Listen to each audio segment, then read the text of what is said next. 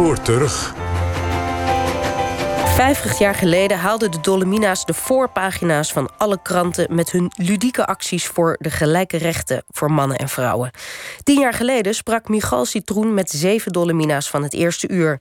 Vorige week in deel 1 de eerste acties en de daaropvolgende media-explosie. Vandaag Dolomina verandert van een actiegroepje in een grote maatschappelijke beweging.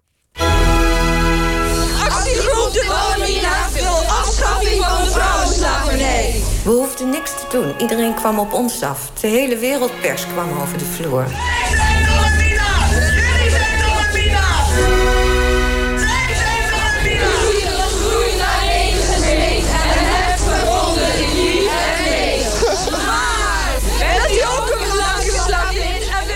Iedereen wilde weten waar het over ging. Het was een vlam in de pan. En de kortste keer hadden we 5000 leden. En werden er overal in het land werden, uh, uh, afdelingen opgericht. En heel veel mensen kwamen met uh, verzoek om, om een, een, lezing. En heel veel mensen wilden ook graag horen wat we te vertellen hadden. Dat was een ontzettende luxe positie. Door de, ja, de boosheid van vrouwen uh, zou dan een, een, kracht zijn waardoor we de maatschappij konden veranderen. Dat was het idee.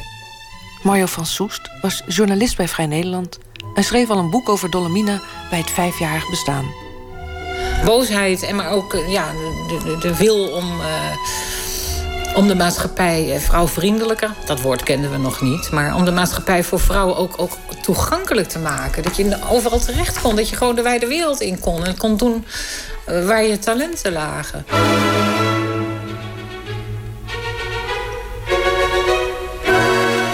Maar het was in het begin ook heel veel plezier. Want dit klinkt nu allemaal reuze serieus. Hè? maar het was in het begin ook... Ja, plezier om het feit dat je zoveel aandacht kreeg. En uh, dat maakte je ook, uh, hoe zou ik het zeggen, lucide. Daardoor kreeg je ook steeds meer ideeën om, ja, om actie te voeren, om leuzen te bedenken, om, om, om, om groepjes op te richten. Om, ja, ik heb toen dat boek Vijf jaar Dolomina geschreven. Nou, daar staan een, een verzameling acties in. Dat, als je dat leest, denk je dat is over een periode van 50 jaar, maar het was maar vijf jaar. En dat succes dat maakte het tegelijk ook heel moeilijk natuurlijk om er iets mee te doen. Want ja, in het begin was alles wat Dolomina voorstelde... dat viel in een hele vruchtbare bodem. En overal kwamen die scheuten omhoog. En iedereen wilde er wel bij horen en meedoen. En wat ga je dan doen? Waar kies je dan voor? Petra de Vries wordt in een later leven docent aan de Universiteit van Amsterdam gespecialiseerd in de geschiedenis van de feministische beweging.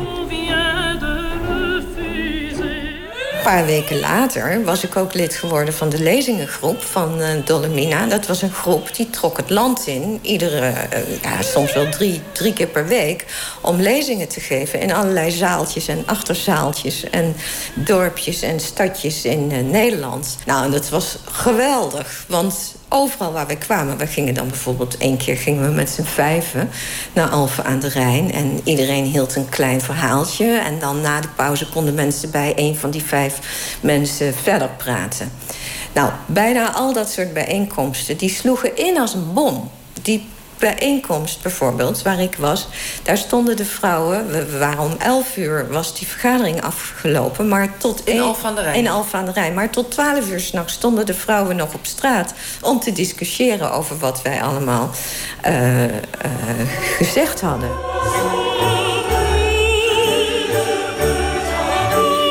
Ruud Jans is vandaag te midden van vergaderende Dolomina's... in de Arnhemse jeugdherberg.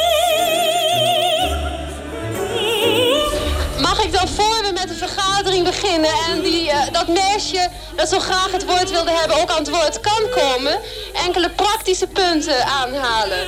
Er moeten om 12 uur 15 corveers zijn voor het eten. We zijn hier in een jeugdherberg en daar is dat de gewoonte. Ook om half zes zijn er zoveel mensen nodig. Uh, ja, het is zo dat om 1 uur is de lunchpauze en er is afgesproken dat dat gaat met... Uh, voor, van tevoren klaargemaakte boterhammen. Maar daarvoor moeten er tenminste zes mensen even in de keuken komen om brood te smeren en te beleggen. Dus graag zes mensen naar de keuken.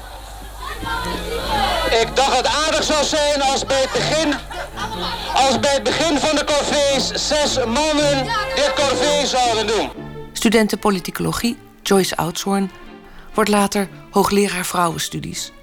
In 1970 is ze actief, ook als Dolomina. Toen ik bij de eerste conferentie was, toen waren er wel de nodige mannen nog. Maar toen was het toch ook al een, groep zeer gearticuleerde, goed dames. die toch ook eh, het hoge, hoogste woord al konden voeren. Dus die mannen waren al een beetje aan het terugtreden. En, het was ook wel een issue. Uh, dus dus uh, ik kon dat wel goed bekijken. En ik, ik had daar echt ook. Ik vond dat die mannen daar niet veel te maken hadden. Want ik had meer dan genoeg van de mannelijke dominantie in mijn studentenvereniging. En tijdens de maagdhuisbezetting, want ik ben wel een van de maagdhuisbezetters geweest. En dat was natuurlijk ook een mannenoploop. Dus het was weer zo'n zo'n bevestiging van het oude rollenpatroon. En dat wekte woede. en dan krijg je ook het verzet van we willen die mannen niet meer. Plus het feit, en dat, ik denk dat ook heel veel vrouwen uh, we waren natuurlijk allemaal een leeftijd dat we aan seks veel later begonnen dan tegenwoordig denkbaar was. Want de risico's waren natuurlijk heel groot en we waren natuurlijk allemaal netjes opgevoed. Uh, en we waren dus ook allemaal in een fase van ons leven dat we natuurlijk seksualiteit aan het ontdekken waren. Uh, en ja, er was natuurlijk toch wat wij toen zijn gaan benoemen, een soort seksuele uitbuiting gaande. Van mannen die graag met veel vrouwen sliepen. Maar de etiket slet was nooit ver weg als je dat te veel deed. Dus ik denk dat, dat er ook een soort agressie ontstond tegen de mannelijke dominantie niet alleen omdat ze wel bespraakt waren en de theorieën hadden, maar ook omdat ja, ze gewoon seksueel ook heel dominant waren. Aanwezigen, mag ik even uw aandacht? Mag ik even uw aandacht? Ik dacht, kom, kom, kom. Alsjeblieft, alsjeblieft. In, uh, in Dolomina was het woord feminisme een scheldwoord. Want dat gold als anti-man. En wij waren niet anti-man, want er waren ook mannen lid van Dolomina. En dat paste in onze ideologie dat uh, zowel mannen als vrouwen moesten uh, bijdragen aan het veranderen van de verhoudingen tussen de seksen. En ook dat mannen ook last konden hebben van hun mannelijke rol die hun opgedrongen was. Dus het was een, een beweging die, die vanuit dat uh, idee startte.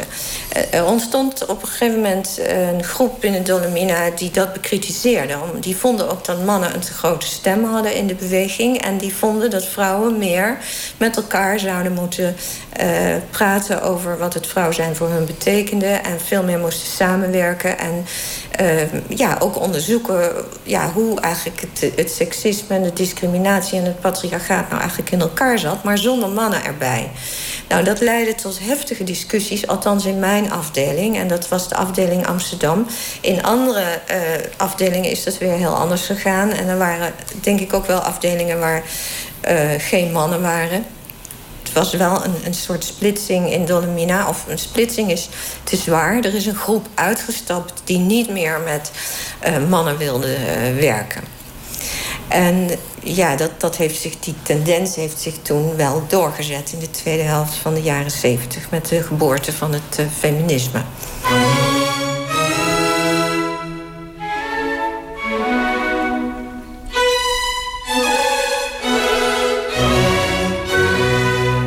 Was een enorme gelijkheidsideologie. Dat was, de, dat was wel eens lastig. En ook dat hebben we met vallen en opstaan moeten leren. Dat was ook eigenlijk het, aller, het moeilijkste wat, wat, zich voordeed. Niet om die actie te bedenken en om ergens op af te gaan. Soms ook met het hart in je keel kloppend van durf ik dit. Maar vooral um, ook om het met elkaar uh, goed en gezond te houden. Om niet van dingen in te slikken. En uh, om op een gegeven moment wel de, de, vuist op tafel durven... met de vuist op tafel durven zeggen van... ik vind dat het zo moet gebeuren. Daar en daar en daarom. Ja. ja. Want dan was je niet... Dan was, je niet dan was je niet solidair met de anderen. En als je bijvoorbeeld... Op een gegeven moment hadden wij een, een collectief van vrouwen... die een uitgeverij draaiende wilden houden. Ja, daar waren vrouwen die konden verschillende dingen erg goed... maar anderen weer helemaal niet. Maar iedereen moest zo ongeveer hetzelfde kunnen en hetzelfde willen. En iedereen moest ook dat was heel belangrijk. Iedereen moest evenveel hart voor de zaak hebben. Nou, dat is natuurlijk ook al iets heel moeilijks. Je kan, hè, want je kan toch niet... Was dat bij Dolomina ook al zo? Ja, eigenlijk wel, ja. Samen sterk. Niet in je eentje sterk, want ja, dan bereikt hij niks natuurlijk in die, in die bewegingstijd. Wij willen u namens 100.000 vrouwen in Nederland dit aanbieden. Een appel van Stimezo. Nee, we willen Sint-Nicolaas iets aanbieden, omdat Sint-Nicolaas voor ons een uh, Stimezo-kliniek kan verzorgen. Nou, een van de vrouwen bij mij in de groep... die zei van... ja, we zitten hier nou wat te praten, zo als vrouwen... en hoe, uh, hoe kan je dan nou beter voor jezelf zorgen? En, en voor haar openden zich allemaal nieuwe perspectieven. Maar ze zei, thuis hoef ik daar niet meer aan te komen. En ik vervreemd ook van mijn eigen achtergrond. Nel Jusseren werd geboren in Paramaribo. En ze werd in Nederland, naast maatschappelijk werkster ook gezinstherapeuten en ze schreef over vrouwenhulpverlening. De dingen die ik nu meemaak, de boeken die ik nu lees, de films waar ik nu naartoe ga, daar hoef ik op de verjaardagen niet meer aan te komen. Maar in die groep, want het was toch een upper middle class die die hele beweging dreef. Van, van jullie, zei ze dan, wijzend naar wat waren met z'n tweeën. Daar, daar, voel ik me ook niet op mijn gemak. Als ik dan op een feestje word uitgenodigd, dan. Uh, ik, wat doe ik eigenlijk? Dat hebben ze allemaal voor die nuffen praat. Nou, zo. Nou, dat is een beetje de verwarring waarin toch heel veel mensen raakten in het gevoel van ik wil wel anders en ik wil wel beter, maar hoe combineer ik dat dan met mijn eigen achtergrond? En dat is dus de verwarring die bijvoorbeeld ook heel veel migrantenkinderen hebben. Die willen profiteren van, uh, en dat willen hun ouders ook, anders zaten die niet hier. Nou, van wat wij te bieden hebben hier in Nederland, dat is mooi. Maar tegelijkertijd ja, kan je ook je hele basis niet zomaar prijsgeven. Dat kan je wel een tijdje doen hoor. Kan wel een tijdje in de ijskast zetten. Maar die verwarring die is er natuurlijk wel. En in, de, in die Dolomina-tijd waren heel veel vrouwen erg in, uh, erg in verwarring. Dolomina geloofde dat de belangrijkste tegenstelling in de maatschappij was die tussen klassen en niet tussen seksen. En in het feminisme, althans het feminisme waarvan Dolomina dacht dat ze zich tegen afzette. Dat feminisme werd gezien als een ideologie waarin uh, de seksen tegenover elkaar gesteld werden. Dus het was in die zin ook echt een linkse actiegroep. Maar dat werd niet door alle Dolomina's gedeeld. Dat was een soort uh, visie die door heel veel Dolomina's gezien werd... als een visie die er door uh, met name de Amsterdamse afdeling doorgedrukt werd. Ik denk niet dat, de, de, dat uiteindelijk denk ik dat er niet zo heel veel Dolomina's waren die nou echt geloofden dat uh, klasse de basis was van het maatschappelijke ongelijkheid. Mario van Soest. In Amsterdam was ook al heel gauw duidelijk, vonden ze, dat die beweging um, onderdeel moest zijn van de klassenstrijd. En dat is, vind ik nu, heel erg jammer geweest eigenlijk. Want ze hadden nog veel meer tijd moeten nemen om uh, daar een echte vrouwenbeweging van te maken. Waar ook best mannen aan mee hadden mogen doen, wat mij betreft. Maar er was zoveel, er leefde zoveel onder vrouwen. En om dan meteen jezelf in zo'n keurslijf van onderdeel van de klassenstrijd. Maar ja, dat is voor een deel te wijten aan het feit dat het. Uh, dat was een protesttijd. En uh, Dolomine Amsterdam, dat waren heel veel studenten. Die vonden dat belangrijk kennelijk. En in het land waren ze veel anarchistischer. En uh, dat is zelfs een congres geweest, niet veel later, in Vught. Waar uh, dat ook echt besloten is. En in de praktijk betekende dat dat je gewoon wel je eigen dingen kon blijven doen. Maar naar buiten toe was je dan onderdeel van de linkse beweging. Petra de Vries. Ik was lid van de Marx-club van Dolomina. Wij bestudeerden Marx. Want in Marx zat de oplossing voor alles. Dat was die tijd. De tijd was dat je moest wel het marxisme bestuderen... wilde je tot revolutionaire veranderingen komen. Dus wij bestudeerden Marx en Engels... en daar hadden we een eh, groepje vrouwen die dat onderling deden. Na het officiële gedeelte praten wij over onszelf. En over dingen die ons echt bezighielden, zoals seks en relaties.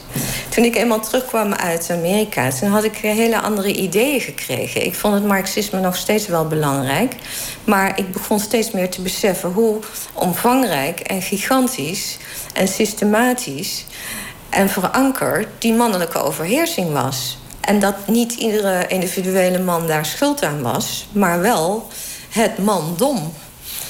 En ja, dat besef kwam bij mij later. En ik denk dat, dat, dat de meeste Dolomina's eh, diezelfde ontwikkeling volgden. Ja, want in Alphen aan de Rijn zullen ze niet Marx en Engels hebben gelezen. Nee, we vertelden ze ook niks over Marx en Engels. nee, dat niet.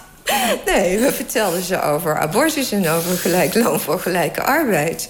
Ja, natuurlijk. Maar goed, kijk, dat, dat was het deel van het intellectuele studentenclubje... wat in Dolomina ook een belangrijke... Het, ja, in de begintijd een rol speelde. Die mensen waren voortgekomen uit de maagdenhuisbezetting.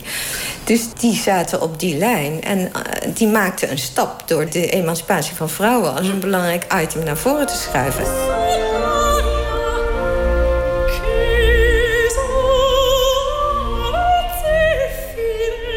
Loet Forstenborst vond in Dolomina herkenning van alles wat haar had dwars gezeten. Ja, ik vind ook zeggen, wat ik ook nog wil zeggen, ik heb, we hebben ook veel lol gehad met elkaar bij die acties. En ik voelde me eigenlijk weer zo als, als puber, zo als op school iets uithalen. Ja. Zoals als je s'nachts stiekem affiches plakt, plakte illegaal en zo. Het was enig en spannend. Ja, spannend. Maar het, het, is een paar jaar van hele heftige activiteit geweest, hè? Ja, zo, zo tien jaar. Je was dus... Uh, je hebt tot het einde eigenlijk meegedaan.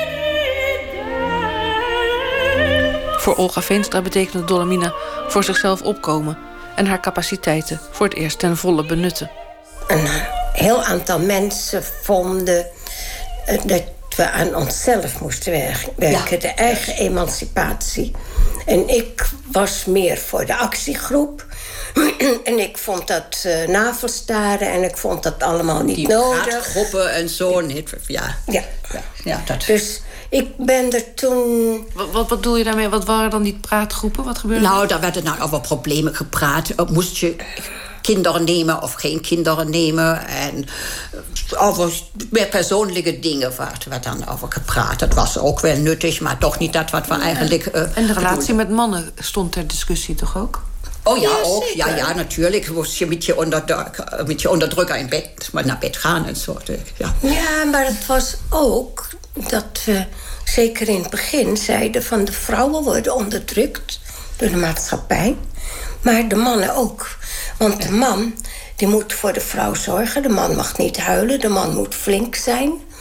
Die wordt ook in een bepaald rolpatroon gedrongen. Nelja Seroen. Nou, kijk, ik zat natuurlijk... Ik was hulpverlener. Dus mijn activiteiten hebben zich erg gecentreerd op... Nou, hoe zorg je dat in de hulpverlening... Ik deed in die tijd jeugdhulpverlening... Nou, de taken tussen vader en moeder... dat dat in ieder geval ter sprake komt. En wat mij stoorde, was dat er een soort nieuw dominant vertoog kwam... Uh, waar met name arbeidersvrouwen, maar ook migrantenvrouwen... zich helemaal niet in thuis voelden. En dat, dat is namelijk dat enorme autonomiemodel. Echt eens uit? Uh, vanuit een, uh, een perspectief van hier vinden wij het van groot belang dat er ja, dat de autonomie en zelfbeschikkingsrecht. Hè, we leven in een ik-cultuur, maar even zo te zeggen. Driekwart van de wereld uh, moet overleven met de ander. Dus die, die kinderen worden groot in een wijcultuur. En daar is het dus van groot belang dat je de verbondenheid handhaaft. En, en, en, en, binnen die, die, die, die vrouwenemancipatiebeweging ja, zag u dat? dat? Ja, dan zie je dus dat er, dat er dus verlangd wordt. Of, nou, laat ik het zo zeggen. Dat de, de, de, de vrouw van de, met een gezellig uit het arbeidersgezin... die iedere dag met de moeder samen naar de markt gaat... en de boodschappen doen, dat dat dus niet gezond was. Want dan was je dus niet autonoom. Alsof je niet autonoom kan zijn in verbondenheid. Dus er werd heel veel... Nou, ik was natuurlijk ook al een afvallige. Ik bleef getrouwd. En dan zei ik, ja, ik heb, een, uh, ik heb een onderdrukker die me onderhoudt, zei ik dan altijd. Dus, het, hè, dus dat was al... Je werd er heel gauw verdacht als je zei van... nou, er zijn nog andere manieren waarin je jezelf kan ontwikkelen. En ik ben dus iemand die zelf daar helemaal niet zo in gelooft... in die overwaardering van die autonomie. Want als je sterk in de beweging stond... dan zou je als onafhankelijke werkende vrouw Ja. je bezighouden... uitsluitend met... Ja, we moeten het alleen doen. En de en man we- is per definitie de onderdrukker. Ja, als je bij hem bleef, dan, dat was dan verdacht.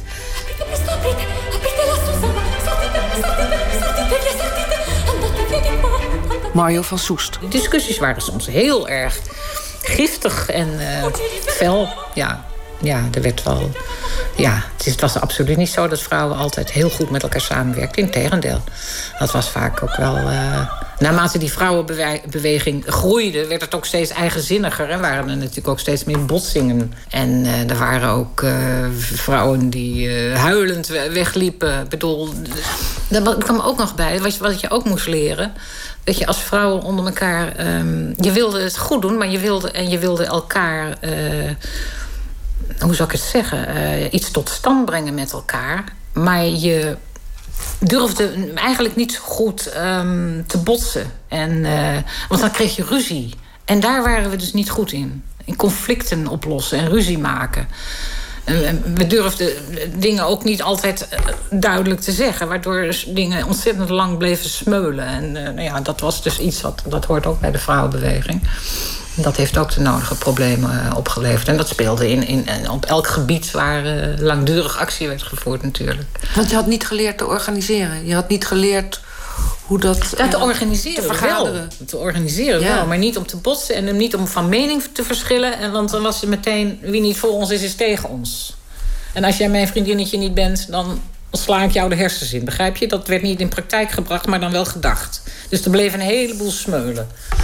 En je mocht ook niet, eh, je moest wij zijn, hè, wij vrouwen, je moest solidair zijn. En solidariteit was toen een woord wat met hoofdletters geschreven werd.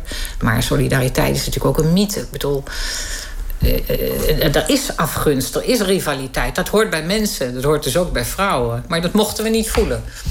Je moest eigenlijk de betere mens zijn. Dat, dat, dat vind ik achteraf uh, wel. Dat, daar, uh, dat je dat, uh, daar hebben we ook wel last van gehad natuurlijk. Ook conflicten doorgekregen in de collectieven die er later gevormd zijn. In Haarlem heeft het bezwaarschrift van de Bloemenhoven Abortuskliniek in Heemstede... tegen de inbeslagneming van de apparatuur in de operatiekamer... Medewerkers van Bloemenhoven, personeel ons erbij gestaan, de koffie, schink en de verwarmen. De azijn van inwendig gemaakt. Bedankt. Ja. Nou ja, dat was, dat was, een hele bijzondere actie. Je had premier Van Acht, die wilde die kliniek sluiten. En dat zou een ramp zijn in de abortushulpverlening. Want daar had je gespecialiseerde artsen en verpleegkundigen... die vrouwen verantwoord hielpen. En ook late abortussen van vrouwen die heel lang naar, van het kastje naar de muur gestuurd waren. Die konden daar ook terecht. En uh, dat was een, een, een baken in, uh, in, in, in de hele hulpverlening, uh, Bloemenhoven. Het was heel goed dat dat er was. En dat werd bedreigd. En ja, toen zijn we daar met z'n allen naartoe gegaan. Ik schreef toen ook voor de Nieuwe Linie. Heb ik, was ik daar ook als verslaggever. Dus heel veel vrouwen hadden die kliniek bezet. En het werk kon gewoon doorgaan, zou ik maar zeggen. Dus uh, dat werd ook afgeschermd. Het was heel spannend, want je wist niet uh, of er nog een inval zou komen. Dus uh, oh, s'nachts werd er ook gewaakt. Nou ja, het was een hele strijdbare sfeer met, met zingen en hele heftige discussies ook. Ja, die kliniek is toch op een of andere die is open gebleven. Ja. Dus... En kan je herinneren wel of, dat, of maar, het zoden aan de dijk zetten. De, de acties, de handtekeningen, de bezetting. Uh, ja, er is een gigantische de, abortushulpverlening op gang gekomen sindsdien. Een heleboel klinieken zijn er gekomen. Maar dat, dat heeft natuurlijk wel tijd gekost. Maar uh, die abortushulpverlening is wel in die tijd eigenlijk uh, begonnen. Er is een aanzet toegegeven, waardoor er na een jaar of tien voldoende mogelijkheden waren voor vrouwen om medisch verantwoord hun zwangerschap te onderbreken. Petra de Vries. De bedoeling was om mensen wakker te schudden. Maar wakker schudden is natuurlijk nog geen verandering van de belastingwetgeving, om maar wat te zeggen, of van recht op abortus. Hm. Nou, daar zijn heel systematisch is daar actie voor gevoerd op alle mogelijke manieren. En ook door parlementaire initiatieven te ondersteunen met demonstraties. Het is een, uh, een lange strijd geweest, inderdaad. Kijk, voor mij is Dolomina... Ik, ik ging zelf in 1974 een jaar uh, naar de Verenigde Staten... waar ik uh, kennis maakte met de vrouwenbeweging daar. En toen ik terugkwam, uh, was Dolomina, wat mij betreft, had, had eigenlijk al haar belangrijkste functie van bewustmakende organisatie gehad. En heel veel vrouwen die gingen door op een andere manier. Er gingen vrouwen die gingen uh, in de praatgroepenbeweging. Er werd een vrouwenhuis gekraakt, van waaruit nieuwe uh, initiatieven kwamen. Er werd, kwam heel veel aandacht voor seksueel geweld. Dat was in Dolomina nee. nog niet zo. Er kwam heel veel aandacht voor mishandeling van vrouwen. Daar werden allemaal uh, institutie. Dit is in de tweede helft van de jaren zeventig een enorme institutiebouw geweest. Maar het wordt heel erg veelzijdig in de vrouwenbeweging. Want sommige uh, eisen die vereisen natuurlijk ook een hele professionele aanpak. Zoals veranderingen in, de, in al die wetgeving. Je kon nog een hele tijd nog wel een, groepen bij elkaar krijgen onder Dolomina-noemer. En alleen op een gegeven moment veranderde de maatschappij. En de, de, de vrouwenbeweging veranderde ook. Hè? Er kwamen steeds meer groepjes en groepen bij. En, uh, eigenlijk, ja, Dolomina was eigenlijk ook een voedingsbodem voor uh, heel veel nieuwe uh, initiatieven. als je in die tijd, de vrouwenagenda werd door Sarah als eerste uitgegeven. En als je achterin kijkt bij het alfabet, wat voor vrouwengroepen en groepjes en, en, en ja, noem maar op op. Er was zo ontzettend veel leefde dat. En uh, die, die vrouwenbeweging was een bruisend geheel met, met verschillende... Maar Dolomina is dus gewoon het aanboren geweest van de put. Ja, er is heel veel uit voortgekomen. Dus die so verschillende ja. soorten initiatieven die zijn terug te brengen op die paar jaar? Ja, op die paar jaar uh, actief in Dolomina. En uh, meedraaien op de golven van het succes van die beweging. En ook van het elan van die beweging. Vooral van het succes, ach Natuurlijk was het een enorm succes door de aandacht die het kreeg. Maar het was het elan, het was dat je durfde en dat je, dat je je betrokken voelde bij die beweging.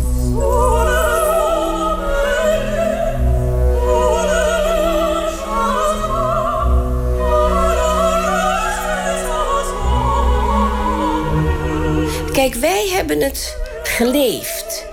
In de zin van de, de emotionele schok en, en, en uh, verwarring waar ik in geraakt ben. En het loyaliteitsconflict. En uh, nou, niet alleen naar mijn man toe, maar bijvoorbeeld ook naar mijn moeder toe. Uh, nou, dat, dat is een tijd van heel veel verwarring ook geweest. En van, van chaos en ook wel van conflicten. Van hoe, ziet, hoe, hoe zie ik er dan uit als die andere vrouw?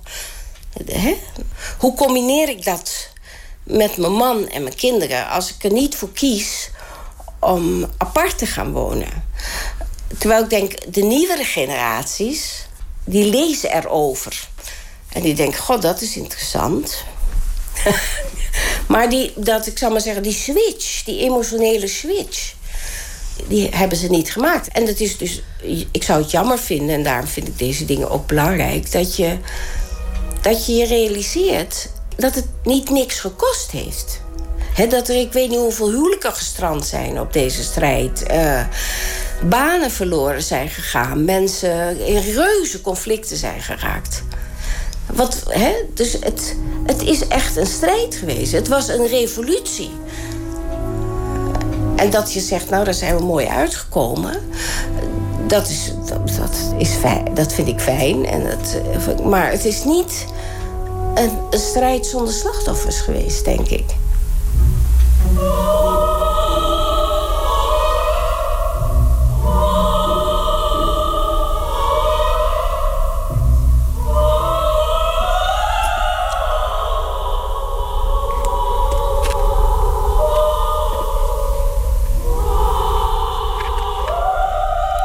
Dit was een bewerkt tweeluik met interviews die Michal Citroen tien jaar geleden maakte over Dolomina. Gemonteerd met Berry Kamer.